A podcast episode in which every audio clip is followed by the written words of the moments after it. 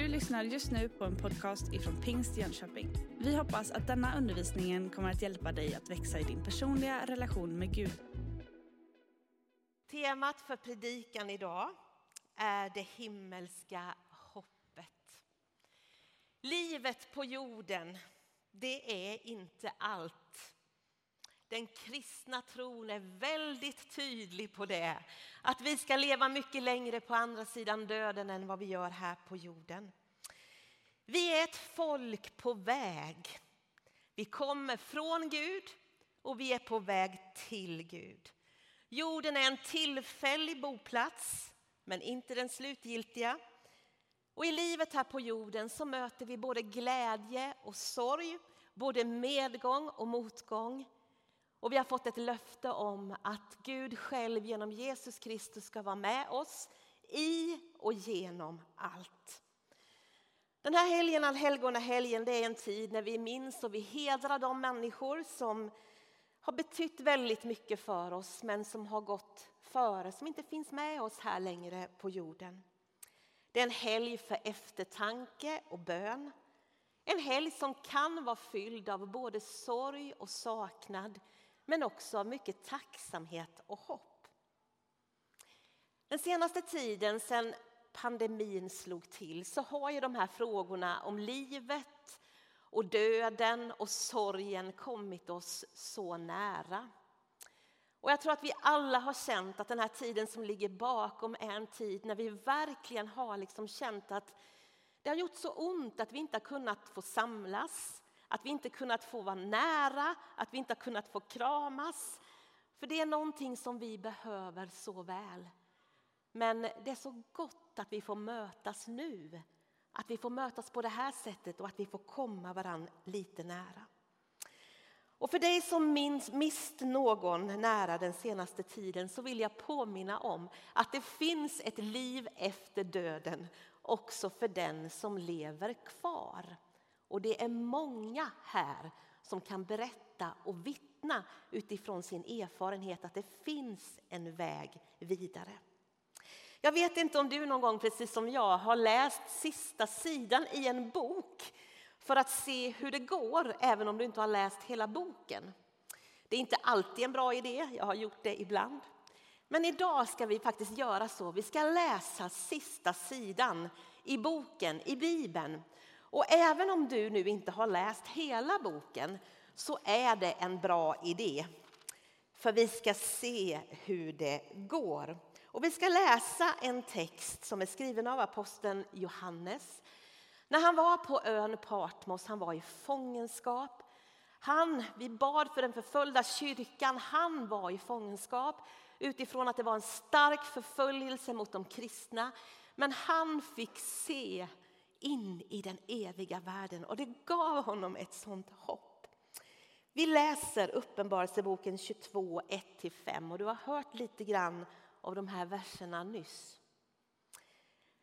Och han visade mig en flod med livets vatten klar som kristall som rann från Guds och Lammets tron mitt på den stora gatan med floden på ömse sidor stod livets träd som bär frukt tolv gånger om året och ger sin skörd varje månad. Och trädets blad är läkemedel för folken. Och ingen förbannelse ska finnas mer. Guds och Lammets tron ska stå i staden och hans tjänare ska tjäna honom. De ska se hans ansikte och de ska bära hans namn på sin panna. Och de ska inte, det ska inte mer bli natt och ingen behöver längre ljus från någon lampa eller solens ljus. Till Herren Gud ska lysa över dem och de ska vara kungar i evighet. En flod med vatten klar som kristall såg han. Livets träd som ger frukt tolv gånger om året. Blad med läkedom för folken.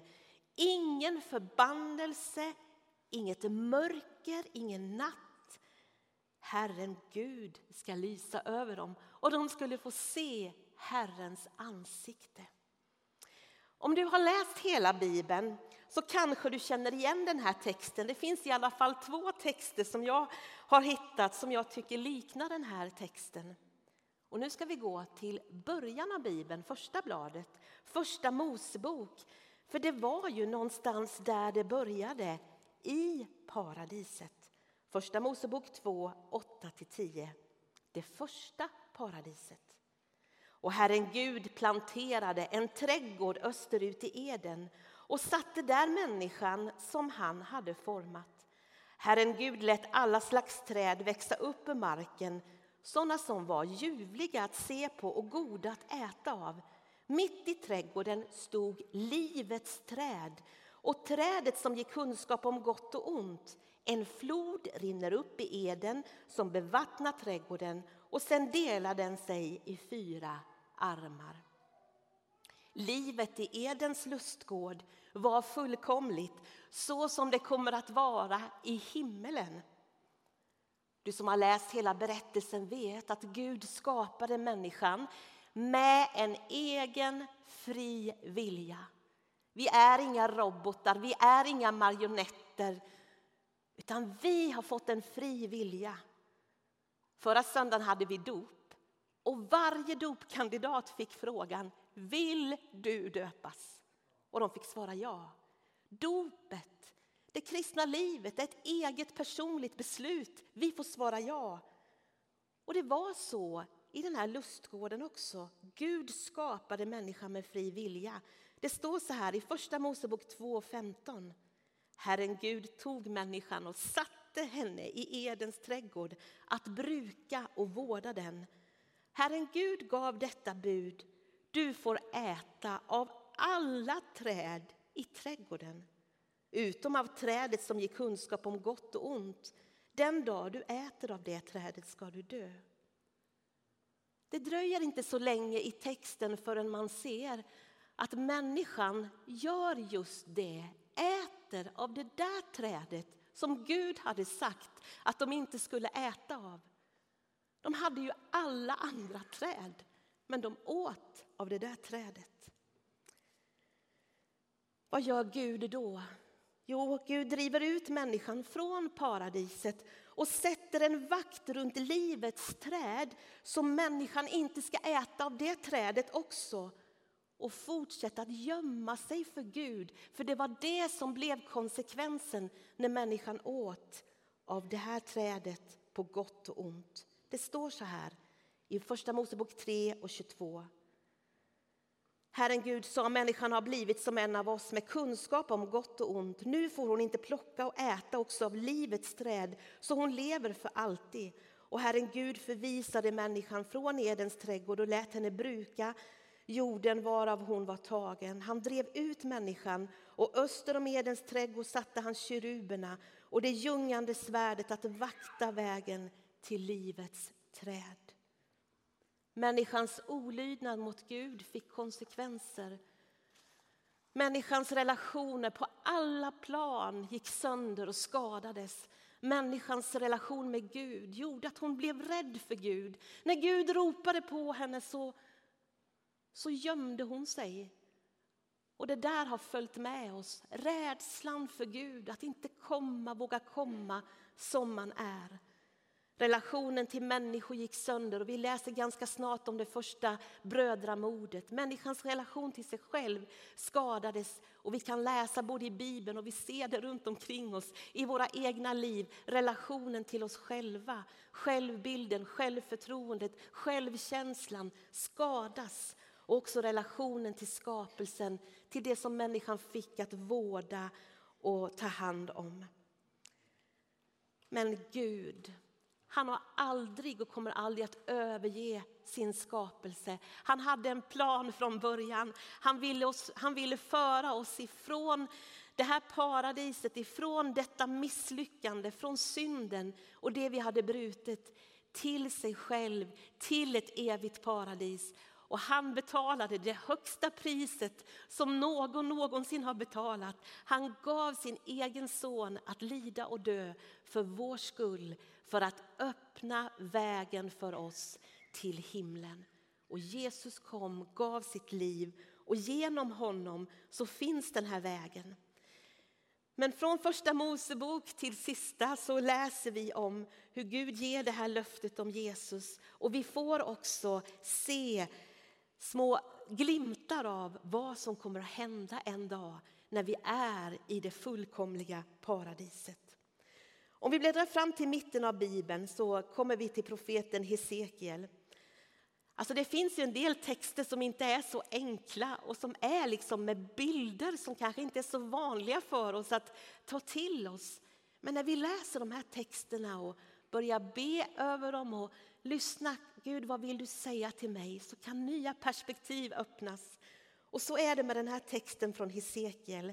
Det finns likheter i den texten med Första Mosebok, men också med Uppenbarelseboken. Det är ingen exakt återgivning, men det är tydligt att Uppenbarelsebokens författare Johannes, när han skrev Uppenbarelseboken 22, hade Hesekiels text i åtanke. Precis som vårt språk är begränsat så är hans språk också begränsat och han använder ord som han på något sätt kan, eh, ja, som han känner till. Det står så här i Hesekiel 47. Han förde mig tillbaka till templets ingång då såg jag vatten tränga fram under tröskeln och rinna österut. Templets framsida vette åt öster. Vattnet kom från höger sida av templet och rann söder om altaret. Han förde mig ut genom porten och lät mig sedan följa utsidan fram till porten mot öster. Där flödade vattnet fram på höger sida. Mannen började gå österut med mätsnöre i handen. Han mätte upp tusen alnar och lät mig sen vada genom vattnet som nådde mig till fotknölarna. Han mätte upp tusen alnar till och lät mig vada genom vattnet som nu nådde mig till knäna. Han mätte upp tusen alnar till och lät mig vada genom vattnet som nu nådde mig till midjan. Han mätte upp tusen alnar till och nu var det en flod jag kunde inte vada över den. Vattnet var så djupt att man måste simma. Det var en flod som man inte kunde vada över. Och han sa till mig, ser du människa? Han förde mig tillbaka till strandkanten och då jag kom tillbaka såg jag att det växte tätt med träd längs flodens båda stränder. Han sa till mig, detta vatten flyter genom landet österut, strömmar ner i Jordandalen och rinner sedan ut i havet så att det salta vattnet där blir friskt. Där floden rinner ut ska det vimla av liv i vattnet. Fisk ska finnas i överflöd. Där detta vatten rinner ut blir allt friskt. Där floden rinner ut kan allt leva. Fiskare ska stå längs stranden, från en geddi till, till en glaim ska deras nät ligga på tork. Fisk av alla de slag ska finnas där i samma överflöd som i Medelhavet. Men gölar och dammar ska inte bli friska, de tjänar till utvinning av salt. Lyssna, längst floden utmed båda sidorna ska alla slags fruktträd växa. Deras blad ska inte vissna och deras frukt ska aldrig ta slut. Varje månad bär de ny frukt, ty de får sitt vatten från helgedomen. Deras frukt ska ge föda och deras blad ge läkedom. Hörde du? Kände du igen texten från Uppenbarelseboken? Den här kristallklara strömmen som beskrivs i Uppenbarelseboken den går från tronen och Hesekiel beskriver att den går ifrån templet. Och den här floden, den här strömmen är en bild för det som kommer från Gud, Guds välsignelse som strömmar ifrån hans tron. Beskrivningen där i Hesekiel den har både ett framtidsperspektiv om himlen men talar också om vad Gud vill ge till sitt folk här och nu. En flod av kärlek, välsignelse, omsorg, tröst. Det här goda som kommer från Gud. Redan nu kan vi få smaka på detta. Ännu inte i fullt mått men vi får en glimt av det redan nu. När vi läser Hesekiel så är det någonting som blir större och större. Det går stegvis, det är som en process. Och jag tänker på det här livet som vi kan få leva här på jorden tillsammans med Jesus. Det kan vara så där att man står och tittar på någon annan som har en tro och så blir man lite så där längtande. Jag vill ha det som de har. Och så kanske man möter den där mannen med mätsnöret som kan vara Jesus Kristus som säger men ta ett steg. Och så får man kliva i, kanske med fötterna i vattnet, att känna på lite grann av Guds kärlek, av Guds välsignelse. Och så mer och mer så mäter han ut mer och mer. Att vi får komma djupare, lära oss att lita på honom mer. Bli mer och mer omsluten av den här välsignade floden. Mitt första möte som jag minns av Jesus Kristus. Då var jag 18 och hade sett unga människor som hade en tro och det skapade en sån längtan hos mig att få tag i det där som de hade. Och jag började lite försiktigt sätta ner mina fötter i det där, närma mig. Men så bestämde jag mig för att jag vill ha mer och jag lät dem be för mig. Och det var som att jag tänkte att nej, men jag, jag ger mig i, jag doppar mig på något sätt. Och så fick jag uppleva att Gud omslöt mig med sin kärlek, sin omsorg, sin nåd och förlåtelse. Och det där att ha fått smaka lite grann på det där, det hjälper mig och har hjälpt mig så många gånger också genom tuffa passager i mitt liv. Att jag vet att han finns där. Ibland får man känna det tydligt men ändå veta att den här floden, den rinner. Jag kan få gå dit, jag kan få omslutas av Guds välsignelse, av Guds kärlek. Tillbaka till Uppenbarelseboken. Förutom den här texten om livets träd och livets flod och där det finns läkedom så står det i Uppenbarelseboken 7 och från vers 9. Sen såg jag och se en stor skara som ingen kunde räkna av alla folk och stammar och länder och språk. De stod inför tronen och lammet klädda i vita kläder med palmkvistar i sina händer och de ropade med hög röst Frälsningen finns hos vår Gud som sitter på tronen och hos Lammet. Wow, en stor skara som ingen kunde räkna av alla folk, stammar, länder, språk. Vet, när jag tittar ut över er nu så är det en försmak av det vi kommer att få med om i himlen. Församlingen är en mötesplats för människor som förenas i en tro på Jesus, att vi har mött honom. Vi kommer från olika bakgrunder, vi är i olika åldrar, vi kommer från olika länder. Men i Jesus så förenas vi och vi ska strax fira nattvard som jag tycker är något av det vackraste som finns att få fira. Vi står på samma grund, är beroende av samma nåd. Och när vi har kyrkkaffe eller när vi har mötesplatsen Café hela världen på torsdagarna så är det en möjlighet att faktiskt sätta sig ner, ta en fika, prata med någon som kommer från en annan ålder, från ett annat land, en annan bakgrund och faktiskt låta ditt liv berikas och berika andra med ditt liv. En träning för det som kommer att vara i den himmelska världen. Himlen, hur ska du vara där? Vi får små glimtar, men vi får ingen detaljerad beskrivning för vi kan inte riktigt förstå eller ta in hur det ska vara där. Första Korinthierbrevet säger att vad inget öga sett och inget öra hört och ingen människa anat, det har Gud berett åt dem som älskar honom. Någon har sagt att försöka förklara himlen för en människa, det skulle vara att förklara internet för en myra. Det går inte riktigt att kunna förstå. Vi har liksom ingen bild, inga ord för det. Det kommer att vara så mycket mer fantastiskt. Vi vet däremot en del om vad som inte kommer att finnas i himlen.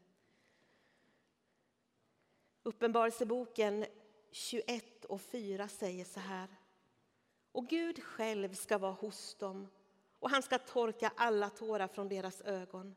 Döden ska inte finnas mer. Och ingen sorg och ingen klagan och ingen smärta ska finnas mer. Ty det som en gång var är borta. Och han som satt på tronen sa, se, jag gör allting nytt. Det kommer inte att finnas någon sorg, ingen död, ingen klagan och ingen smärta. Kanske finns du här som är väldigt väl förtrogen med smärta, vad det är. Men i himlen kommer ingen smärta att finnas. Inga krig, ingen orättfärdighet.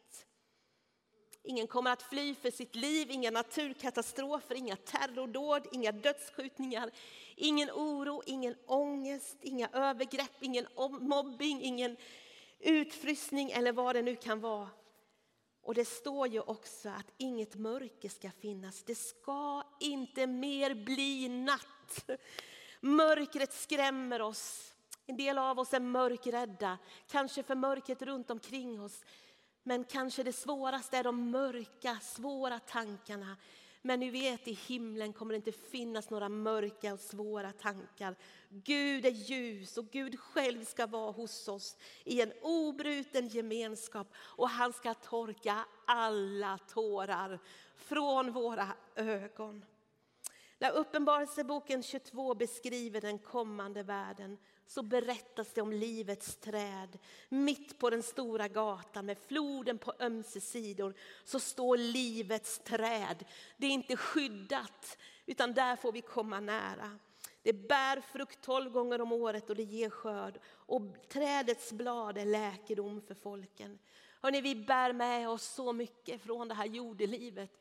Av trasighet till ande, själ och kropp. Men när vi kommer dit och börjar ett återupprättande på alla plan, läkedom till ande, själ och kropp. Och vi ska till och med få en ny kropp.